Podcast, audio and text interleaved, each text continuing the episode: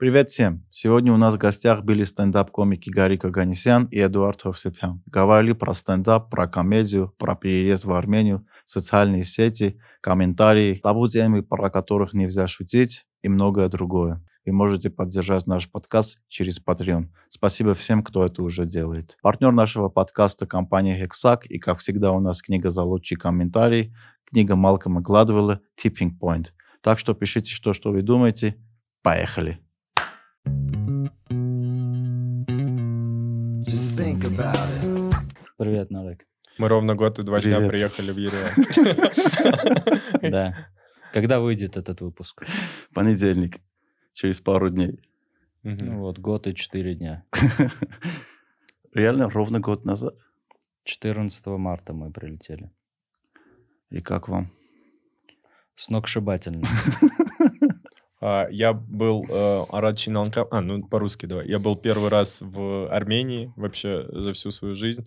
А, И это были такие странные ощущения, потому что я прилетел, тут был снег, вот это мартовское знаменитое безумие погоды, и был снег, а у меня были только кроссовки легкие, Asics, а, и у меня промокли ноги, я ходил, скользил. Знаешь, вот э, я потом, уже прожив год, понял, что это худшая погода в Ереване была за все время, что я был. Это вот в первый день, как я прилетел. То есть слякоть. А, я ходил, меня приняли мои друзья-айтишники на Северном проспекте в супердорогой квартире. Я хожу, мне ничего не нравится. Я захожу, это еще последний день был, когда курить можно было в заведениях. Я Мгм. захожу в Classic Burgers, у вас нет интеграции с ними. Не. Ну, договоришься, если что. Захожу в Classic Burgers, там метр на метр, все в дыму вообще жестком. И я хожу, кашлю, весь пропах. Эдо уехал к семье сразу, я один остался. Спасибо, кстати. Блин, да, э, вот мы недавно... У тебя семья здесь живет? Не, мы вместе переехали. А, Просто у меня тут много родственников. И вот мне недавно Гарик напоминал, он говорит, э, самолет сел, и ты такой, ну ладно, дядя за мной заехал, пока. И я такой, блин, реально, человек впервые в этой стране, я даже не сообразил ему сказать, может, тебя куда-то отвезти.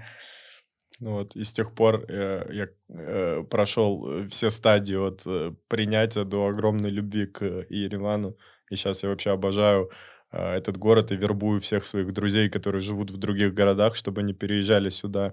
в других городах в России? Нет, в или- Тбилиси, в Стамбуле, вот, А. в иммиграционных э, точках. Я говорю, здесь намного комфортнее. А что переехали? А что случилось? Война? Мы? Ну, я да.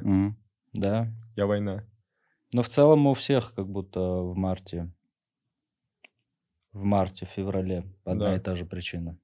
Да, да, там же толпы, все вспомнили, что они армяне, э, поехали. Ну почему, ну почему прям в марте? Ну, у меня... почему там- не раньше, почему не позже? Потому что вторая же волна тоже была это в, в сентябре. Да, в сентябре мобилизация. Когда мы, да. Ну, у меня отдельная история, я не знаю, как у тебя, у меня свое, что а, я до 24 февраля вообще планировал всю жизнь в Москве быть. То есть у меня ноль э, представлений было о другой жизни. Ты там родился, в России. А, В Грозном, да. Это Россия, кстати. Это я всем Да. э, на паспортном контроле всего мира хочу еще раз напомнить. Потому что меня не пускают из-за Грозного много куда, ну, проблемы все время. А, и я проснулся, и все, я такой, надо что-то делать. И первые там полторы недели я просто ходил на улицу все время. Ну, я про это э, говорил много, что я пытался как-то, я выходил там на Красную площадь, там, знаешь, куда-то рядом, там, на Китай-город, везде, где собирались люди, я ходил протестовать, и потом я понял, что вообще не набирается даже примерной массы, чтобы что-то изменить, и все, меня как-то душило это, я приходил домой, и мне было стрёмно лежать дома, потому что я думал, что сейчас кто-то постучится, же там заберет меня, там, потому что моего там друга Витю Капаницу вообще в Казани, к нему пришла прокуратура за то, что он ходил, и то есть вот это состояние суматохи, я вот недели полторы, полторы у меня были, была э, стадия вот принятия, и потом я такой, ну все, я не могу дальше жить здесь, мне нужно куда-то ехать. И вот и Драк был в Тбилиси, и еще задолго до того, как это мейнстримом стало. А и я подумал, что сейчас буду выбирать между Ереваном и Тбилиси. И мы друг у друга все начали спрашивать. И вот Эдос сказал, что он летит с семьей, уже купил билеты 14 марта. И я подумал, что хорошая дата. И люди неплохие, можно Да. с ними Посмотрел по гороскопу и натальным картам. Да, и можно через год пойти на подкаст. Да, да, это была главная цель, наверное. И все, я теперь не знаю, что делать, я завтра переезжаю. А трудно было? Ну, в в послед... ну, где-то два подкаста назад мы про эту тему говорили, что, э, например, люди из Арцаха свои дома оставили, свою жизнь там оставили. Или, не знаю, 10 миллионов украинцев стали беженцами, и очень много русских больше живет в России, потому что не могут с этим жить. И один момент, за один день, жизнь миллионов людей просто изменилась в корень, в корне. Правильно говорю? В корне. В корне, да. Да, да, о- ну, мне было очень тяжело, потому что я полностью все тоже поменял. Я оставил, э, я работал на вечернем Урганте, в секунду передача, по сути, закрыт, ну, то есть в этот же день, это был последний ее выпуск. А, я выступал, я понял, что с моими там политическими шутками мне не дадут особо ездить э, сильно и какие-то большие концерты давать. То есть это все вот, вот по щелчку пальца. Ну, то есть тот, кто развязал войну, он вообще не понимает, какой он урон э, нанес для всех, потому что это каждого коснулось. То есть сколько у людей проблем, там, отцов и детей, знаешь, когда ты не можешь там с родителями поговорить, потому что ты в интернете смотришь информацию, а не в телевизоре. Сколько э, семей отпустило туда э, ребят, там, э, ну, это полный кошмар. Я могу про это часа два говорить, но это очень грустно будет. Так что я... А в Армении круто. Тебя- Но я думаю, мне чуть полегче было, в отличие от Гарика, потому что я тут э, учился э, в универе. Но все равно у меня уже там, я 20 лет жил в Москве, и у меня там ипотека, ребенок, э, своя поликлиника, все вот это уже Что-то из этого неправильно пишите в комментариях, Домашний доктор. привыкли, э, устроили там всю свою жизнь.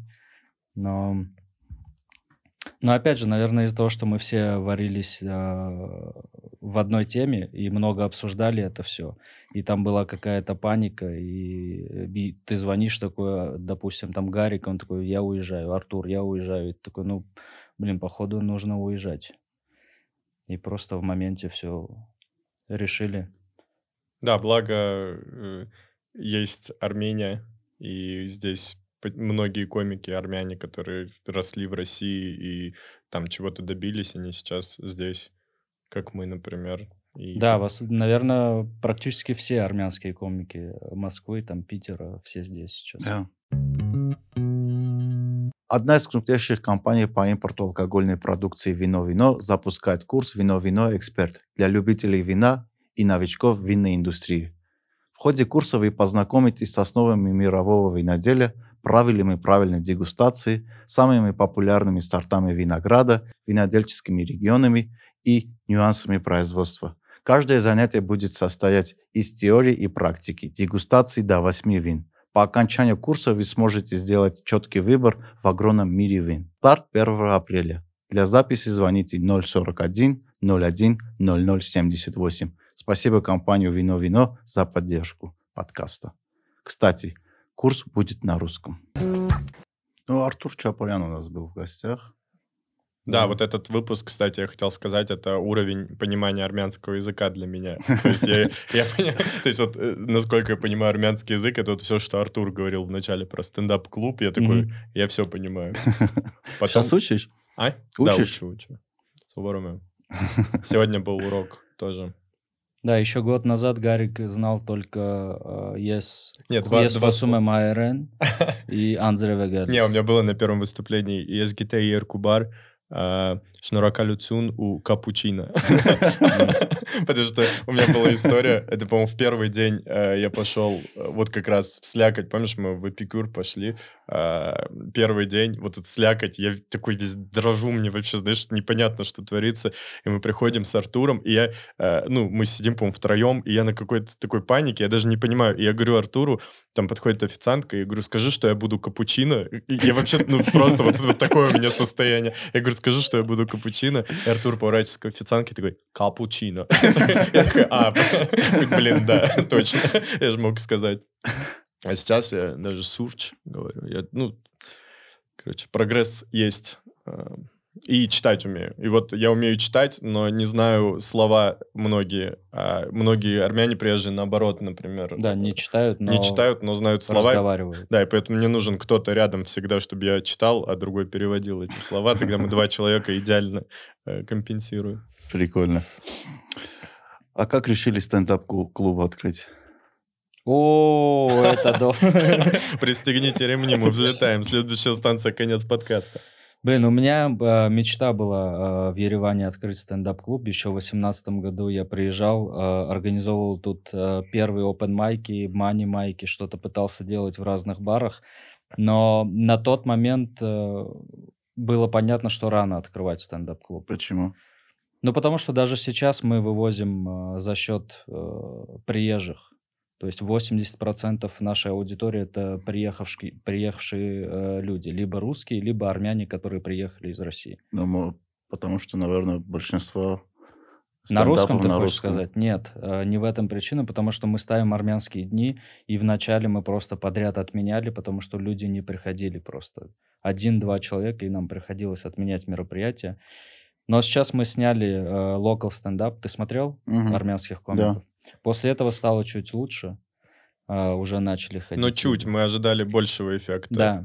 У Но, нас всё- был- но разница есть. У нас разница был выстроен план, что вот есть ребята, которые нигде не записывали свой материал, смешные, классные, молодые, и они сейчас запишут монологи, мы их зальем в ТикТоке, в Рилсы, все, Мгм. что сейчас работает и популярно, а, и пойдет э, сильная прогрессия в плане прихода людей, но чуть-чуть она сработала пока, то есть, видимо, это постепенный процесс. Да, время нужно, наверное. Хотя неплохо уже по просмотрам, там уже на Ютубе там за 50 тысяч его Да, по просмотрам нам сказали, что для Армении 50 тысяч Да, э, видео, э, которое вообще никак не рекламировалось, просто там сарафанное радио. Это хороший результат. Ну Да. и, и интересно, к слову, раз мы про локал сказали, смотреть а, вот этот процесс принятия у людей а, армянского стендапа в комментаторах, знаешь, в комментариях Ютуба, когда, ну, просто на все агрятся, абсолютно на все. То есть мы в ТикТок, укла- в ТикТоке, оказывается, столько моралистов есть, это ТикТок, а там, это ТикТок. Давайте начнем с того, что вы в ТикТоке сидите. Уже, ну, все. Ну, Я, кстати, думал, почему так очень много матерятся в комментариях, э, в ТикТоке особенно. А Я думал, что потому что ну, человек сидит, э, смотрит жопы, и вдруг ему там стендап. И он злится на это, и такой, да как вы можете? Да, и они матом говорят про то, что мы там не имеем права шутить на какие-то темы, которые, Почему? которые вообще безобидны. Ну, то есть там, например, есть шутка, которая резонансная довольно про Месропа Маштоца, Да. где вообще ничего обидного про Месропа Маштоца не сказано, и мы бы не допустили, наверное, если бы это было просто оскорбление прямое, мы же тоже, ну, понимаем... Подожди, я скажу. Вот вес. как э, начало шутки звучит у Андо, это Андо комика зовут. Он говорит, интересно, куда, за, куда возили на экскурсию класс Месропа Маштоца? И вот на это э, просто с ума сошли в комментариях, типа, да как ты смеешь, этот человек придумал буквы, с помощью которых ты общаешься, и этот человек пишет с латиницей на армянском, понимаешь? И потом матом И все, и все матом. И ты не понимаешь, где эта грань. Ой, Тем- я знаешь, извини, я знаешь, что хотел у тебя спросить? Ты удаляешь комментарии у себя э, под видео? В ТикТоке? Вообще в Ютубе? Тебе Не, нет? не. Блин, Один ну у раз, тебя хорошая аудитория. один раз удалил комментарий, потому что был такой ужасный. Но это на- я даже не заметил это комментарий с нашей командой, потому что там очень обидное слово было. Ну, о- оскорбление было физическое насчет го- гостя. Мгм. И мы просто это удалили и блоки- блокировали этого человека. Партнером нашего подкаста является специализированная компания по продажам недвижимости Red Invest Group. Компания совместно с банками и партнерами предлагает гражданам России покупку квартир с ипотечным кредитованием в 20 и более проектах. Также Red Invest Group успешно помогает арендовать жилые и офисные помещения в Ереване, инвестировать в недвижимость по всей территории Армении и за ее пределами. Спасибо компании Red Invest Group за поддержку нашего подкаста. Ну, когда гость, да, тебе хочется еще, чтобы... Я против удаления комментариев любых, вот что бы ни написали, но, Но у а, нас но у нас такие очень- вещи пишут. Да. Такие вещи. пи- У нас вот есть чувак, который занимается этим, он удаляет комментарии. Просто у нас, знаешь, как у нас видео попадает в рекомендации? А, просто, допустим, комик Спартак шутит про то, что у него лишний вес. Ага. Заходит какой-то тип, И, С лишним весом. И говор- ну, вообще не обязательно. Сам И Спартак. пишет матерные слова всей семье Спартака. И снизу другой чувак пишет, типа, это же всего лишь шутки, почему ты его обижаешь? И потом у них ветка в 90 сообщений, где они собираются встретиться и подраться, знаешь. И из-за этого у нас видео попад- попадают в рекомендации, потому Да. что они там постоянно дерутся, что-то им не нравится. Там в конце уже итог есть всегда, Да, да. что у них Кто произошло. выиграл? Хотя это просто шутки, и это интересно э, наблюдать за этим, потому что ты понимаешь, что много тем м, не готовы слушать. Вот я с Ашотом Даниляном, еще с одним из наших комиков, как раз про это говорил, что это э, прикольно смотреть, что есть реакция хоть какая-то. Мгм. То есть если есть реакция, значит, будет и дальше развитие какое-то в этом плане. То есть люди будут понимать, э, значит, у них уже есть к этому Да. интерес. Любая э, шутка про церковь, даже где вообще ничего, просто слово церковь фигурирует, или что-то про то, что там человек атеист, он говорит, я атеист, уже там... в- в- Дальше нападает. они не слушают, И, мне кажется. и, они и матом, понимаешь, только ма- ну, матом пишут очень много оскорблений, и ты не понимаешь, ну, на какой ты стороне хочешь быть, той, которая пытается поднять, привлечь проблемы шутками к этому всему, либо Мгм. к той, которая просто сидит и вот так вот по шорцам лазит и оскорбляет всех подряд. Ну, это... Не знаю, насчет Rearrange наша аудитория очень органично росла.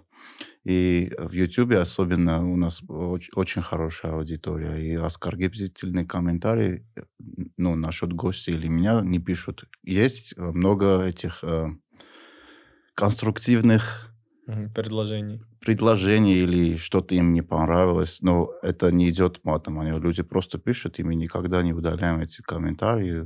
У всех есть свое э, ну, мнение. Мгм. Ну, тема «Мештоц Маштоца», я, у нас был подкаст, где наш гость сказал, что э, буквы, э, армянские буквы не Месроп Маштоц писал. М. И это, О, я смотрел это. и это так и есть. Ну, он был... э, он заним- Шмисроп, а что не только армянский, но и грузинский писал. Да, но он, он, он Не, заним- оказалось, гость сказал, что не только армянский не написал, но и грузинский, оказывается, он не написал. Кстати, а- а, это греческий какой-то дизайнер, или как их называют там, а- они написали буквы. Месроп Маштоц придумал алфавит. Он занимается языком, но он не дизайнер букв. М. И этот, этим занимался другой человек. М. Ну, эта тема настолько поднялась в Армении. Люди снимали тиктоки, в Инстаграм рилсы, обсуждали эту тему. И я тогда понял, что тема Месроп Маштоца в Армении очень сильная табу. Но есть, есть темы, которые в Армении очень много и не касаются, даже стендаперы. Например, религия, церковь, э, семейные ценности, я не знаю, однополые браки, э, не знаю. э, очень много тем есть, на которых в Армении почти нет дискуссий и нет шуток, потому что люди боятся этой э, толпы, которая нападет на них. Да, мне кажется, что слишком много табу, ну, слишком too, too much, потому что у нас есть еще один комик, он русский, он приехал сюда и организует а, микрофоны, и он в ТикТоке довольно популярным стал, армянским, где он выкладывает просто свои шутки, как он вот так читает перед лицом, и, и на него, на ему в ответ записывают ТикТоки. Я вообще, я до сих пор смеюсь с этих ТикТок-войн, потому что мне, ну, кажется, это вообще, знаешь, территория не для выяснений конфликтов. Это, это парень, который шу- шутил про Белую Ниву? А, Саша Нижегородцев такой, в очках, худой, Да, высокий. да, да. Да, Да. И, и он шутил про... А, я знаю точно, как я умру, меня Да. собьет белая Нива. да. Что Но тут? это было очень смешно. Да, а что, ну, что тут такого? Человек, по-моему, из Германии или откуда-то записывает ТикТок. э, Какого черта он имеет право шутить вообще про Армению? Братья, найдите его Да, найдите его. По- Почему?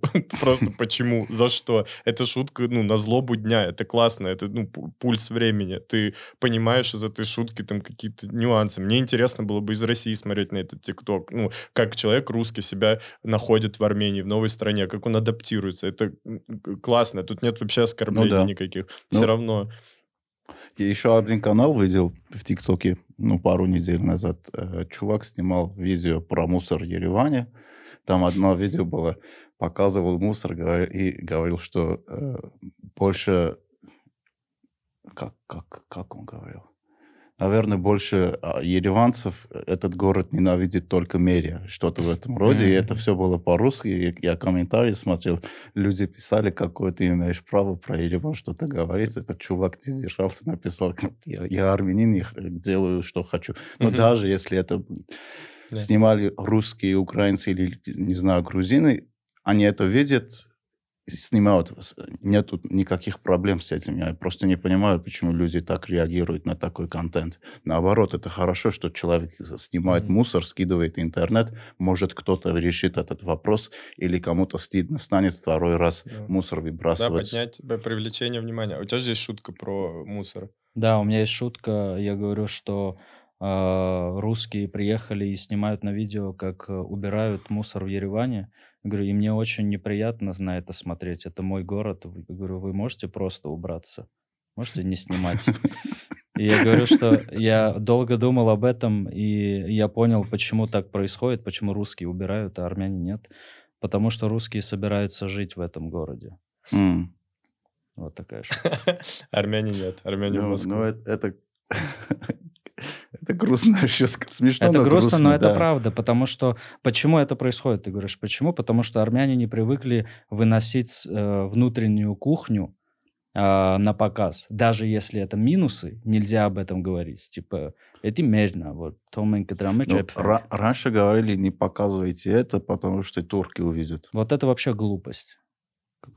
Вообще не пофиг, э, кто это увидит.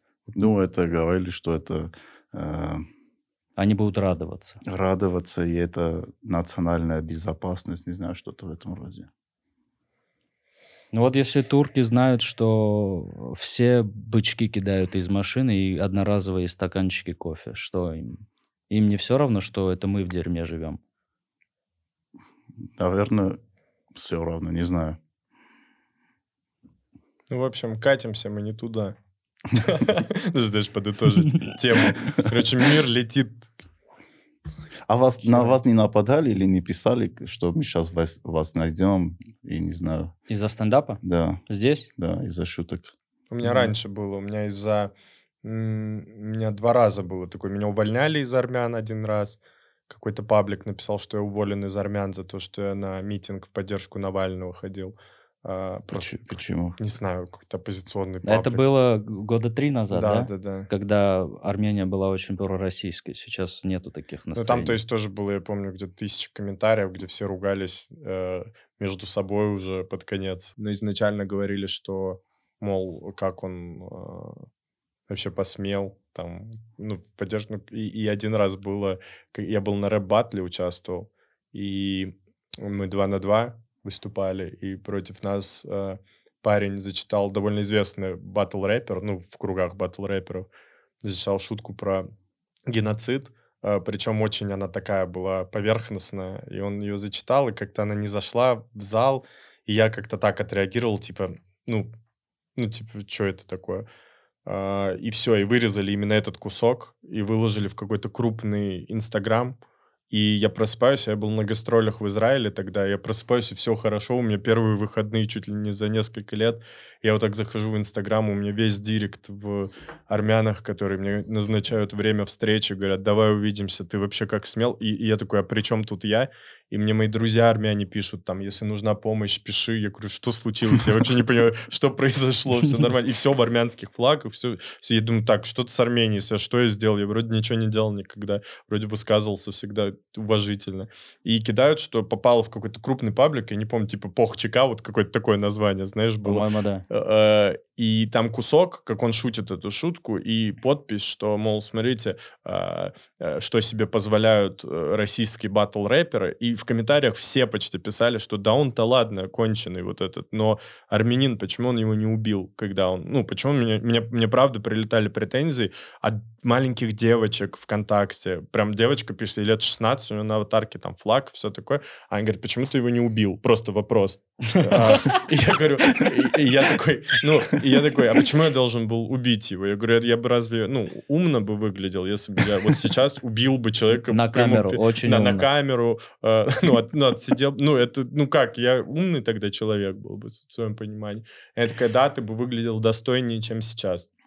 И и вот так немного прилетало.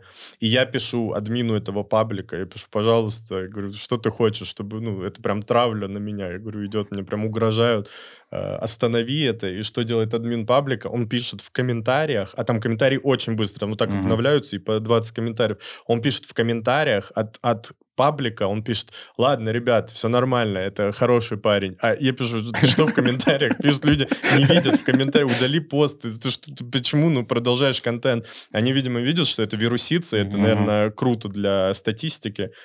И я его попросил, и слава богу, то есть он понял, что это, ну, э, ну просто при- единственное, к чему это приведет, это к тому, что ну, я буду разбираться со всеми, кто, кто так думает. При том, что, опять же, ну, понятно, как я к этой теме отношусь. И э, потом мой оппонент с этого батла, он пост написал про это извинительный. Извинительно. Да, то есть был такой момент, Ну, ты с ним общался после этого насчет этой темы? Да, ну, ну, а я не знаю, что говорить. Я, ну, я, я, я же не вижу текст другого человека. Если бы я видел, я бы, наверное, предупредил, что это острая тема. Но, в принципе, по правилам рэп-баттлов ты можешь, ну, про все шутить. То есть, как бы, идя туда, ты подписываешь негласно договор, что ты готов к тому, что будут, ну, на разные темы, там, шутить, панчить и все такое. То есть для меня это было как такое, ну, просто не смешная шутка. Я такой, ну, окей. То есть от этого никому ни горячо, ни холодно. А если бы я его убил, это, ну, было бы у меня пять фанатов дополнительно каких-то. Вот такая у меня Поддержка была. всей Армении. Да, ну это как случай с Арианой, например. Ты знаешь про Ариану случай? У нас Кеса, девочка, когда Не. про осетинский пирог на Росбатле пошутили. Тоже против нее пошутили. Это похожая история. Мгм. Прям тоже мой друг пошутил про нее, и про осетинский пирог. Э, И все. И там вся Осетия ее планировала убить, и- изнасиловать и т.д. т.п. Ну, не вся, не вся сеть, но очень много людей тоже так. Я не буду бросаться словами, что вся. А, И это был, ну, это было очень странно, потому что ей писали люди, что ты позор нации, э, приезжай туда, мы тебя обреем наголо, изнасилуем и побьем. Я думаю, а вот это, э, ну, по мне вот это позор нации. А претензия была в том, что она просто стояла и слушала. А, как говорят про остинский пирог, который у них священный. То есть она не должна была допускать этого.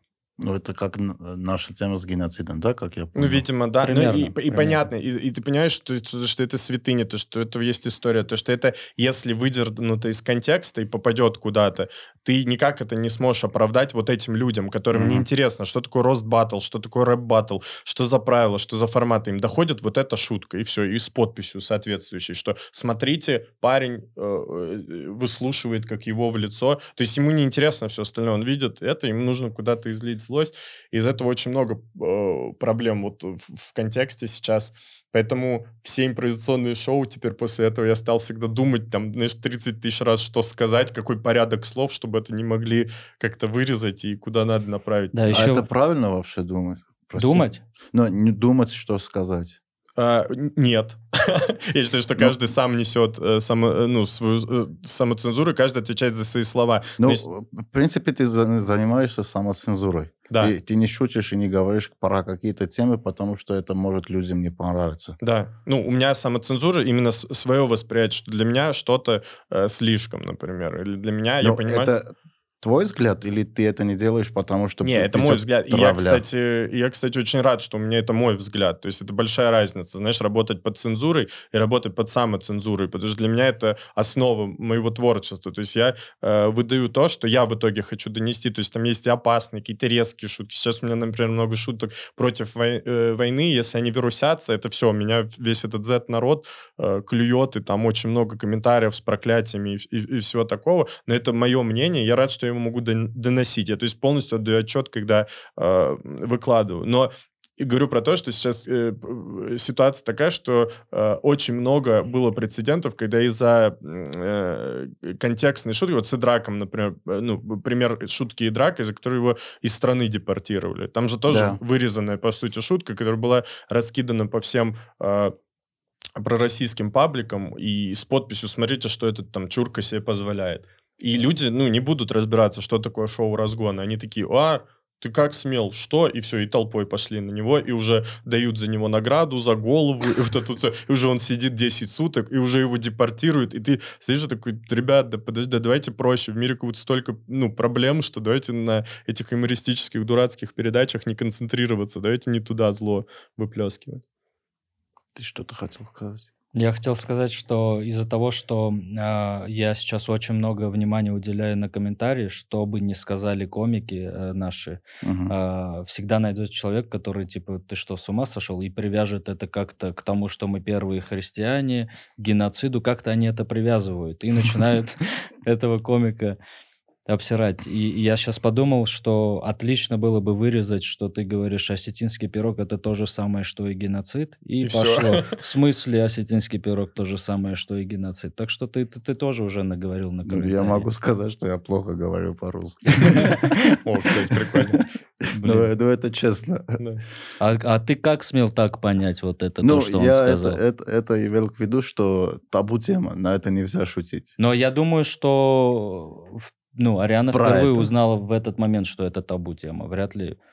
Нет, Да? думаю, она знала, просто она именно этой э, конкретной шутки в моменте не придала такого значения, потому что там Ну, так- атмосфера. такие моменты очень много есть. Вот у нас последний подкаст, э, наш гость рассказывал про э, одну гору, Хуступ, Мгм. и он говорил, это гора известна из-за Наждега, э, Мгм. наверное, Наждега Рабин знаете, да.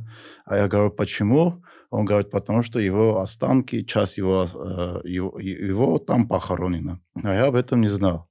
Ну, не знал, так не знал. И мне люди пишут, как ты не знал, что он ждет там похоронен? Ну, в ди- директ.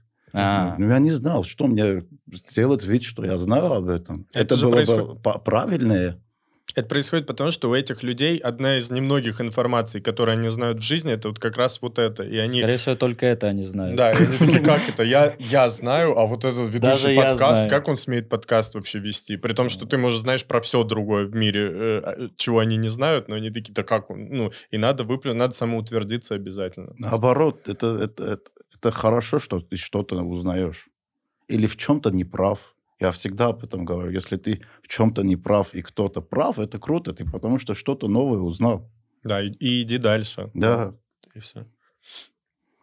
Ну, это э, стен- стендап, э, э, ко- комедия сейчас, ну, даже если в, Америку, в Америке смотреть, очень многим мешает, потому что, не знаю, последний раз видели, как напали на Дэйв Шапелла Мгм. на Про сцене. трансфоб, э, трансфоб Да. тему? Мгм. Или, не знаю, как э, Уилл Смит ударил Крис Рока. Да, да, да, конечно. И очень многих э, стендап-комиках э, просто не пускают, не, зна- не знаю, на большие концертные залы. Ну, Сикей, отмена тоже была Да. его за... Ну, я думаю, ну, если посмотреть историю и, и сейчас... Ой, как мне трудно поговорить по-русски. Ну, хочешь говорить на армянском? Не-не, если на, на одном языке правильно делать. Пр- Прости, да, что ну, мы из-за тебя вынуждены. Блин, ребят, извините. Ну, ну, тема в том, что Ирак. комики или э, люди, есть люди, которые вс- всегда должны говорить про все. Про все. И, например, если смотреть в Армению, мы по- про это уже поговорили, очень много тем э, нельзя поднимать. Но, но это плохо. Почему? Потому что когда очень многие... Ну, я немножко пофор- по- поменяю контекст. На- Например, в Армении вроде свобода слова. Ну, какая свобода слова, если ты не можешь говорить про многие темы? Как вы об этом думаете? Что вы считаете на этот повод? А, Свобода слова в Армении есть. Это точно. А, Мы вот за год э, ни в чем себе не отказывали. У нас в клубе э, со сцены говорили абсолютно на любые темы. Тут вообще кайфово выступать, в отличие от Москвы, где ты можешь там подумать, что, возможно, тут кто-то сейчас сидит, не стоит об этом шутить. А, а насчет запретных тем, я думаю, вообще это все изнутри вот этого армянского менталитета э, приходит и выходит из-за того, что а, я в пример приводил то, что вот я жил с бабушкой тут, когда я в универе учился. И когда я громко разговаривал, моя бабушка говорила, э, говори потише, соседи подумают, что мы ругаемся. И я из-за этого еще громче кричал, потому что меня это злило. Типа, ну почему ты думаешь, что соседи подумают? То же самое И в итоге все правильно. Они думали, что вы ругались, вы ругаетесь. Да, да. Э, э, И я к тому, что и здесь в стендапе комики, ань- из-за того, что не принято рассказывать про то, что у тебя в семье происходит, но в целом же стендап это что? Это ты, это то, что тебя беспокоит, Мгм. твоя семья, твоя работа, твое окружение, ты об этом рассказываешь. Но тот стендап, который я видел здесь, в Армении, он полностью на общих темах. Э, свадьбы, э, там какие-то, э, что у папы пульт всегда там, где менять каналы, стерта кнопка. Мгм. Понимаешь, вот такие шутки. Ну, это... Смешно. Да, я, согласен с этим, потому что большинство армянских комиков, если их шутки ты возьмешь, и другой человек будет их читать, никакой разницы не будет. Абсолютно. Абсолютно нету комика, который бы, ну, про которого я знал, что вот у него есть жена, или там он разведен, он Это рассказывает про своего ребенка, про какие-то сложности своей жизни. Нет, там рассказы про 8 марта, чтобы продать на 8 марта концерт, про Новый год, чтобы продать на- б- концерт на Новый год. Понимаешь, нету вот именно вот такого стендапа, как он должен быть. Да, с болью своей. Э, Мы с Гором из Woman Club на эту тему говорили в подкасте. Э, Он говорит, все эти шутки, которые ты сейчас говоришь, Мгм. которые более личные, которые про темы, э, которые его беспокоят. Говорит, он, я просто как артист еще не дорос до этого уровня. Если я буду шутить про эту тему, меня не, не просто не пропрут со сцены. Так он же уже известный комик, а когда, если... Не знаю. Вот он, он, нап- например, есть в Армении э, люди, например, Варам, Варам Саакян. Он взрослый человек. Да, Да. но он, он говорит про любые темы. И, И вот. про себя. и про себя тоже. Но он не комик, он Мгм. писатель а, больше. Мгм. А, Но он сравнивал себя с ним, если я правильно помню. И очень много комиков говорят просто, если мы будем шутить про эти темы, и если мы будем говорить про личное, нас не поймут, и наши билеты не будут покупать, и у нас не будет концертов, у нас не будет шоу. А семью надо же покормить. Но тут уже нужно выбирать. Ты пишешь то, что тебе нравится, или ты пишешь э, общее, все, что может там любой другой человек написать. Ну, лучше со временем тебя поймут. Вот Ну, у нас вот в локал так было. выступают комики, все рассказывают э, темы, которые их волнуют. У нас есть комик, допустим... а, нет, давай я вот с этого э, закончу, что э, у меня был видеоматериал, э, стендап, кто-то вырезал минутный кусок, скинул в ТикТок, и там больше двух миллионов просмотров сейчас. И э, много комментариев, где все нормальные, положительные, типа смешно. И только армяне пишут, что э, в, в этой шутке говорится, что папа меня матерным словом обзывает, мой отец. Мгм. И там все пишут, типа, отец правильно сказал, типа, ты именно вот это матерное слово. Понимаешь, все армяне, типа, твой отец прав. Они не понимают, что это шутка, что написано ради там комедии, что отец меня не обзывает матерными словами. И они все там, а, типа, поддерживают моего отца, что я такой плохой человек. Ну, короче, очень плохие слова там пишут, а я это не контролирую. Это видео не я заливал. Но я иногда захожу поплакать, посмотреть эти комментарии. Зачем тебе это? Ну, самое популярное видео со мной, что теперь поделать? Больше двух миллионов просмотров. Да. Ну вот у нас э, Тико, у него шутка про э, мандарины и апельсины, про то, как они выглядят. То есть человек просто взял, это же самое сложное написать, да, вот тебе дают мандарин, скажи, вот придумай шутку про мандарин. Придумать шутку про 8 марта очень легко.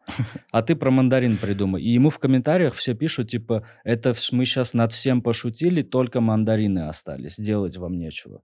Понимаешь, вот. И есть еще и зрители, которые не понимают, как можно шутить над мандаринами. Вот, ты прикинь, я когда испанский учил, мне препод по испанскому давал э, э, испанского комика, Мгм. и там у него как раз была шутка про сравнение апельсинов и мандаринов. это что за мировая тема? Он говорил, наранха, а color, а фрукт, типа, это что, это цвет, это фрукт, и потом показывает, что типа, о, там, там, мандарины, вот, такое. И в зале там заливаются, это местный какой-то испанский э, супер топ стендапа. Так что зависит от, не знаю, от, от менталитета как-то. Не знаю, мне кажется, в Армении нужно еще какое-то время, чтобы понимать какие-то темы, которые в России уже даже, например, а, начали э, А вам не говорят, из-за ваших шуток армянские ценности э, становятся слабее? Э, говорят, что типа не нужно вот с этим, со своим русским бэкграундом сюда приходить. В смысле? Ну, в смысле, со своими российскими понятиями, Повадками, да. повадками, что типа можно материться на сцене. Вот это все уберите, не нужно нам это в Армении.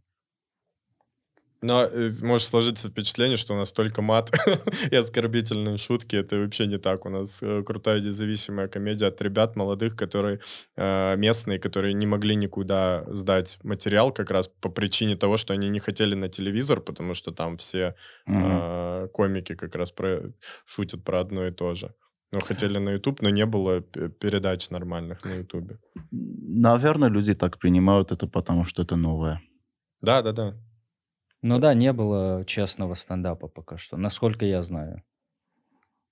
И э, очень надо ценить тот момент, что здесь, а, пока это не особо известно, а, многими принимается. Э, То есть это правда, если сравнить с э, другими странами, а, тут довольно большой э, кредит э, дозволенного, ну, тебе на сцене, вот, например, вот правда, тут, тут очень свободно. Тут к нам ребята приезжают и говорят, вау, тут можно вот так шутить. Когда была волна мобилизации после сентября из России, люди приезжали, у нас были политические шутки на тему Путина, там Мгм. люди ж вот так вздыхали. Такого никогда в России не было. Это сейчас, видимо, такой сгусток э, накопился, и вот они приезжают, они первый день в Армении, не знают, куда пойти, там, может, через Инстаграм, там, мой Артур видит, что есть Тамаре стендап-клуб, приходят, и мы со стендом говорим, ну и Путин, блин». и они, у них такая реакция была, я говорю, да вы что, успокойтесь, все, вы уже на нормальной, те, все, все, тут никто не сидит, и очень э, это ценно сейчас, и очень хочется, чтобы так и оставалось, и даже мне сейчас это, ну, боязно об этом говорить, потому что вдруг это расфорсится, кто-то там Да-да-да. услышит, знаешь, скажет, Мгм. а, что они там делают, давайте тоже туда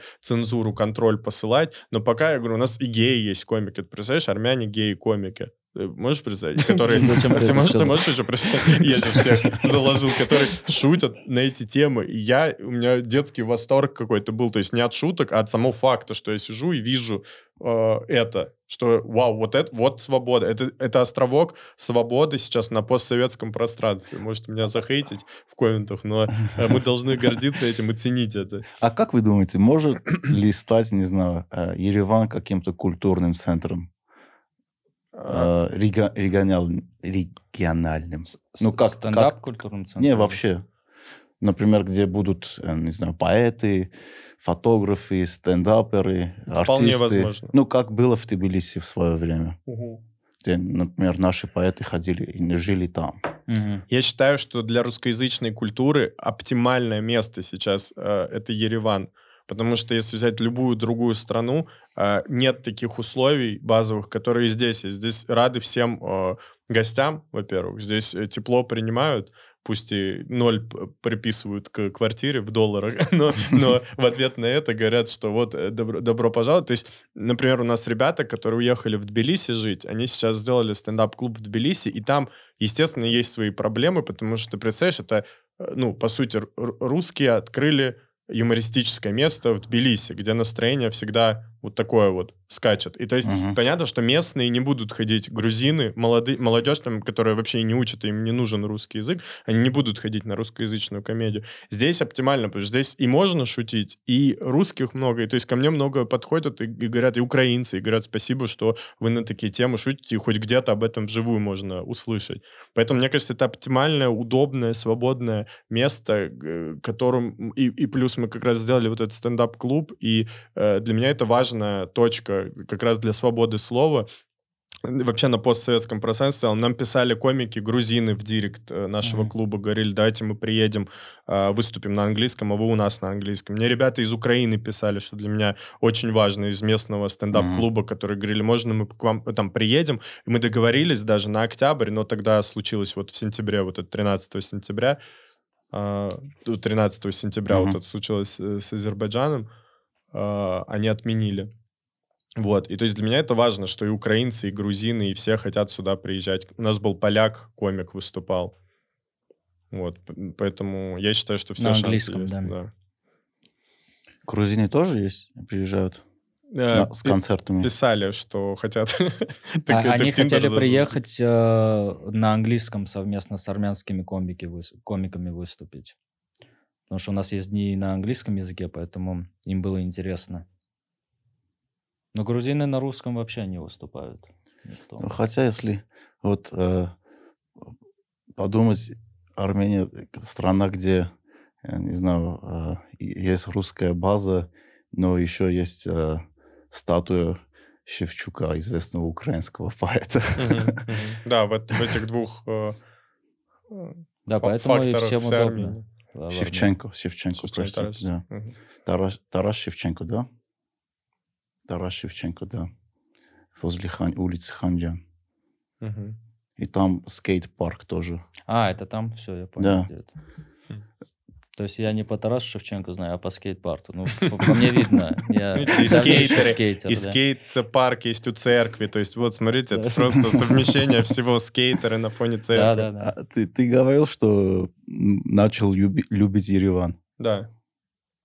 Сначала не нравилось. Не, ну в первый день э, и из-за слякоти, из-за меня всего, да, я Да. про впечатление первое говорил.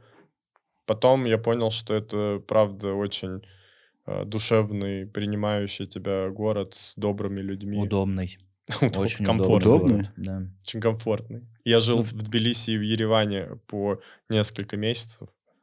Я могу говорить. И проездил много сейчас стран, и могу с уверенностью сказать, что это очень комфортный город. Я вот всегда говорю, что в Армении, э, в Ереване из любой точки в любую точку доехать это 10 минут. Только либо на машине, либо пешком. Вот эти 10 минут Ну, наверное, ты только в центре ходишь. Ну, да. Ладно, полчаса замените на монтаже. Ну, не знаю. Э, Ты не любишь Ереван? Ты так, ну не знаю. Ереван. э, Только честно. Трудно сказать, что люблю, но не скажу, что не люблю. Что-то средненькое. Ну, как, э, как ну, например, э, можно так сказать, э, когда у тебя есть бойфренд, если ты девушка, или, не знаю, если парень тоже, э, Все. ты, ты Привет, ТикТок. Рад появиться в этом видео. да, да. Не, Привет, ну, скандал. не сказал бы, что Пишите мне нравится Ереван, про- у меня есть бойфренд. Вот вам. Но у меня есть Вырезайте.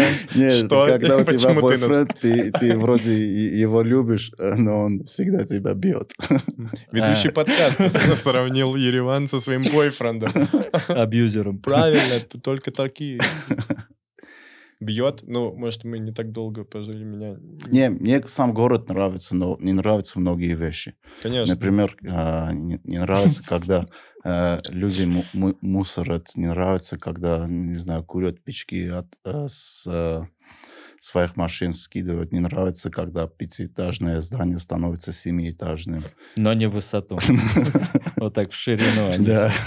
Не нравится, когда, не знаю, возле здания у тебя там детск- детская площадка, а кто-то с первого этажа это делает собственный двор, и у него в здании живет, но у него собственный двор. Много чего есть, которые не нравятся, но сам э, город в этом не виноват. А, Виноваты в этом люди. И люди, которые управляли этим городом, управляют этим городом, и люди, которые в этом городе живут. Но есть и люди, которые этот город очень любят и делают все, чтобы здесь стало комфортнее для других людей. Ну, Мгм. Уважают и других, и город, не мусорят. И когда видят, кто-то это делает, они делают замечания. Эм, Не знаю.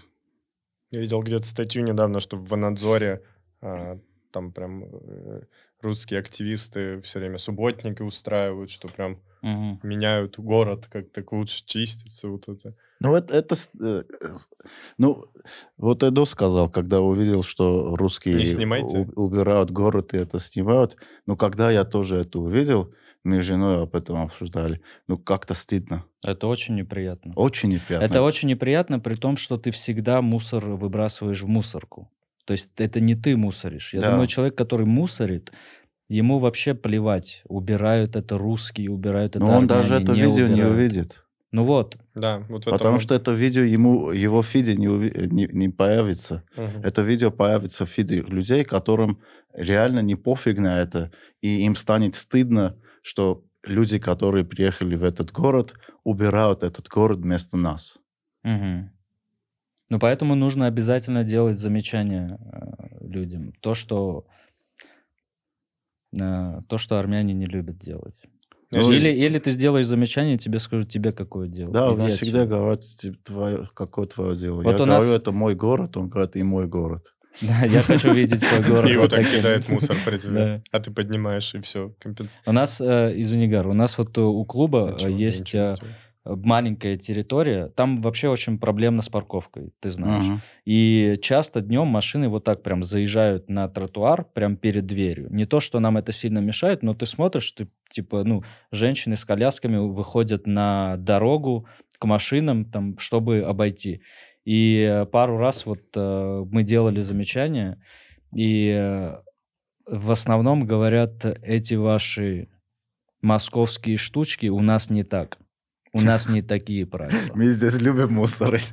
Да, понимаешь? То есть для него э, мои штучки, то, что я говорю, что вот с коляской не могут пройти, для него это ненормально. Типа не нужно приносить это к нам в наш родной Ереван. Мы всегда так делали не по правилам. И не надо нас учить как надо, понимаешь? Ну, потому что, смотри, в Армении очень сильно русская пропаганда работает. У нас очень много пророссийских каналов, и, не знаю, и в, э, в Армении очень сильно, э, у, люд- у очень многих людей есть такое понятие, что если это европейские понятия, значит, это плохо. М, Это обязательно, не знаю, э, раз, Растление. нет, это... Ну, обязательно это плохо. Не, не армянские, не семейные ценности. И то, что европейское, это плохо. И когда ты говоришь, например, в Европе так не делают, давайте вот мы тоже так сделаем. Даже если это хорошая вещь, которая принесет э, плюсы твой город, это не принимается. Потому что, как э, в ТикТоке вам комментарии пишут, они какое-то слово слышат, Мгм. и все. Да, да. да. Это как? Красная тряпка. Да, блокируется мозг и начинается атака. Что ты это слово сказал, значит, что то, что ты продолжишь после этого, не имеет смысла. Я даже не буду слушать, потому что я услышал слово табу. Да. Надо что-то придумать, что типа армяне первые, кто придумали убирать мусор. Тогда все будут убирать мусор. Первые, кто на государственном уровне. Не, не, армяне любят то, что не надо для этого делать. Например, ты первый, э, крес- на- э, мы первые приняли крестьянство, или у нас один из самых древнейших алфавитов, или Это уже было давно. Да, это было, для этого ничего не надо делать, потому что это факт. Вы Мгм. приняли крестьянство, для этого больше не надо ничего делать. Алфавит есть, тебя в школе учили, сейчас тоже ничего для этого не надо сделать. Просто иногда в Фейсбуке или где ты пишешь, можно немножко постараться написать армянскими буквами, если ты так любишь свой а- алфавит. Э, Это твое дело. Хочешь писать с кириллицей или русскими, э, или латинскими буквами, делай как хочешь. Но если ты говоришь, что мы, наш алфавит, месроп, маштот, бла-бла-бла-бла-бла-бла, пиши по-армянски. Это, кстати, важная проблема э, жить прошлым и гордиться прошлым. Это, э, по сути, э, м, для меня это же, допустим, политика в России, она же всегда основывалась на спекуляции победы в Великой Отечественной войне. Да. А, и то есть ветераны, о которых вспоминают только 9 мая, знаешь, которые живут в ужасных условиях, которым просто люди собирают деньги, они живут в очень там плохих условиях, и только на 9 мая их вспоминают, и, и это, ну, то есть я видел каждое 9 мая, где уже меньше ветеранов, но а, каждый раз вот, знаешь, театр спекуляции и вот этого фарса, когда вот мы должны помнить, что победа, победа, то есть и безусловно это, это огромная проблема становится в любой стране, а, где на это упор делается. То есть, да, надо помнить, чтить, уважать, а, понимать, что это часть истории, но идти дальше. Потому что вот и, либо ты получаешь страну, у которой заканчиваются эти герои, и есть потребность в новых героях, и создается э, то, что создается. Э, э, Это я, ну, я американские новости тоже читаю э, и, и смотрю там разных, э, не знаю, комиков на- и, и а- аналитиков, подкасты. Та же э, фигня и в Америке есть, и в Европе есть. Людям надо что-то, чтобы они гордились этим. И большинство людей, ну не, не скажу большинство, но какая-то активная масса, которая очень активна э, в интернете, э, им нечего, нечем гордиться собственным. Мгм. Вот, например, вы открыли стендап-клуб, или ты, э, не знаю, выступал на ТНТ, работал в вечернем Урганте, дошел до какого-то уровня, Эдо может гордиться, что он открыл стендап-клуб. И очень много людей что-то создает, и этим гордятся. А кто-то гордится, что он стал отцом или матерью. Но очень много людей, им нечем гордиться своим. И им надо дать что-то национальное или что-то из истории, чтобы люди этим гордились. И это становится частью их, э, Биография. ну, не биографии, кто они есть, э, identity. э, Мгм. не знаю, как по-русски. Идентивности. Наверное. Не, не, точно нет. Ну ладно. Ну, кто ты есть. И когда ты касаешься этих вещей, они очень, э, э, ну, активно будут бороться против тебя, потому что это прямая атака на них, Мгм. на кто они есть. Это есть и в Америке, и в Европе, и в Армении, и в России.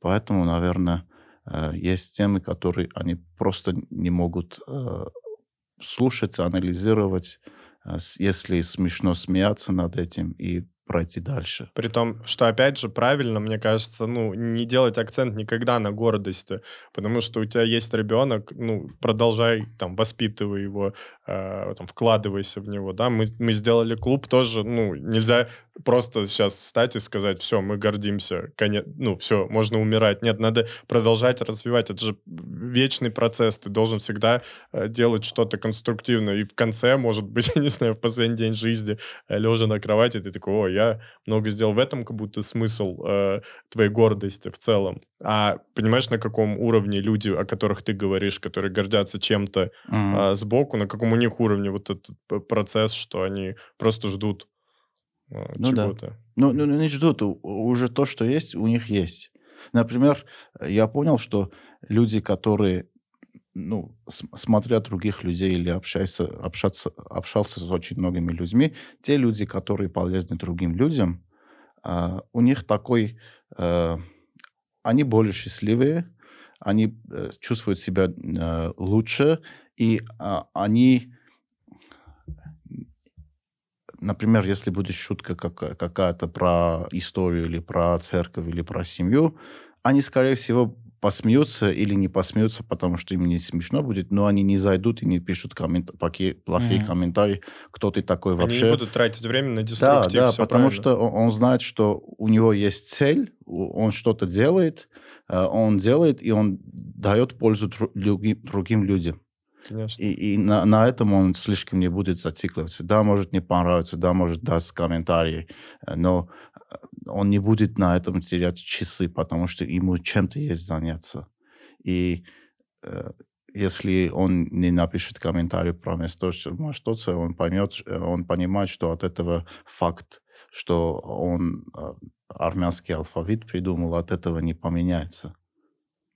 Конечно, тем более для меня всегда было э, странным, что именно в, юмористических передачах находят э, вот эту возможность выплеснуть негатив, потому что как будто бы они созданы же изначально, чтобы, ну, поднимать твое настроение. И, как мне кажется, нормальный человек, он просто либо выключит, ну, зачем себя мучить и смотреть дальше то, что тебе не нравится, либо досмотрит, и ему понравится. Все, как бы третье не дано для меня. Ну, то есть мне кажется, что это и столько времени тебе экономит, и, и всего. Но когда именно э, из-за того, что еще юмор в последнее время в России в тренды вышел, знаешь, там самые Ага. большие передачи, это юмористические были, там, что было дальше, там, и вообще вот там лейбл.ком весь, и там, там наши какие-то разгоны. Ты нигде не увидишь больше хейтеров чего-то, как юмора, э, вообще как явления, потому что каждый человек считает, что он умеет шутить, понимаешь, это не музыка какая-нибудь, где хоть чуть-чуть надо ноты знать, петь или что-то уметь играть на чем-то, хотя бы, знаешь, минимально. Тут каждый человек такой, да, я знаю, я шутил, я это делаю, поэтому вот отсюда идет э, такой выплеск из-за того, что каждый, у нас каждый умеет шутить. Это как ты считаешь из-за всего этого, из-за Что именно? что э, столько хейта в комедии? Не знаю, вот я вспоминаю, в комментариях как-то написали вам, что не о чем шутить. И один парень спросил, про что шутить. И он написал, например, про Пашиняна. Или... а, Про, Про- Кучеряна. Да, понимаешь, но это, это просто отдельные какие-то люди, которые вот они хотят, чтобы говорил, говорили плохие вещи про Никола. Он не хочет услышать хорошую шутку, понимаешь? Он хочет, чтобы говорили плохие вещи про Пашиняна. У нас нету такого, чтобы мы запрещали про что-то говорить, там, да, у нас есть редакторская работа небольшая, но если это смешно, это остается. Неважно, про что человек пошутил там. Это, знаешь, этот чувак, это юмористический куколд, который про Пашиняна хочу слушать, знаешь, Да, сидеть да, в да. стороне и смеяться, смотреть, как просто люди шутят, просто ты такой, блин, это... Я просто, меня знаешь, что удивляет, что неужели не надоели шутки про мужчина, женщина, разница мужчины и женщины? Не, это до сих пор актуально Гоктемберян здесь. не надоело, что, Слушай, ну что даже там про, на- наркотики? Вот это не надоело, вот меня удивляет это.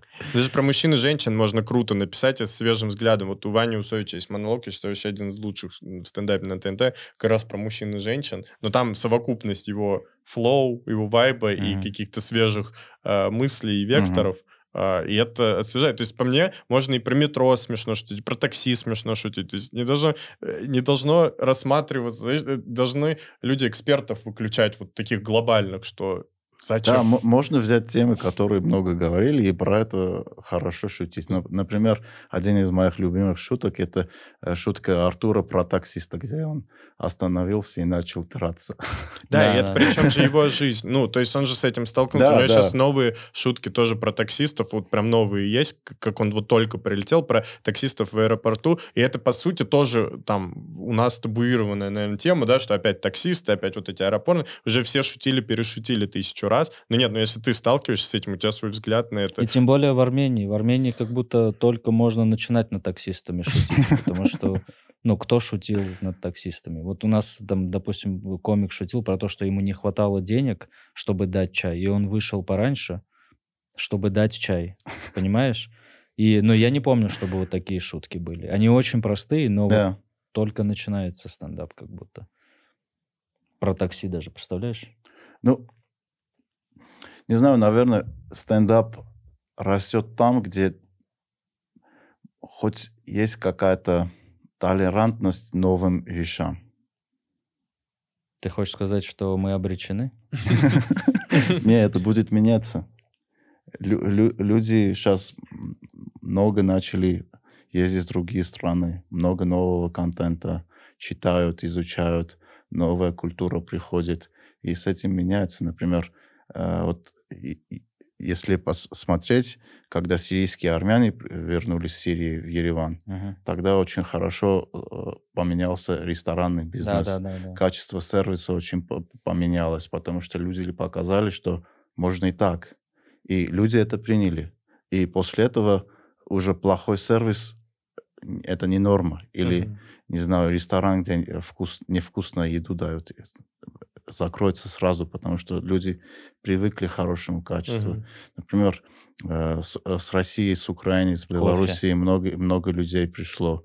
Э, Они тоже с собой какую-то культуру сейчас привезли, которую со временем мы увидим.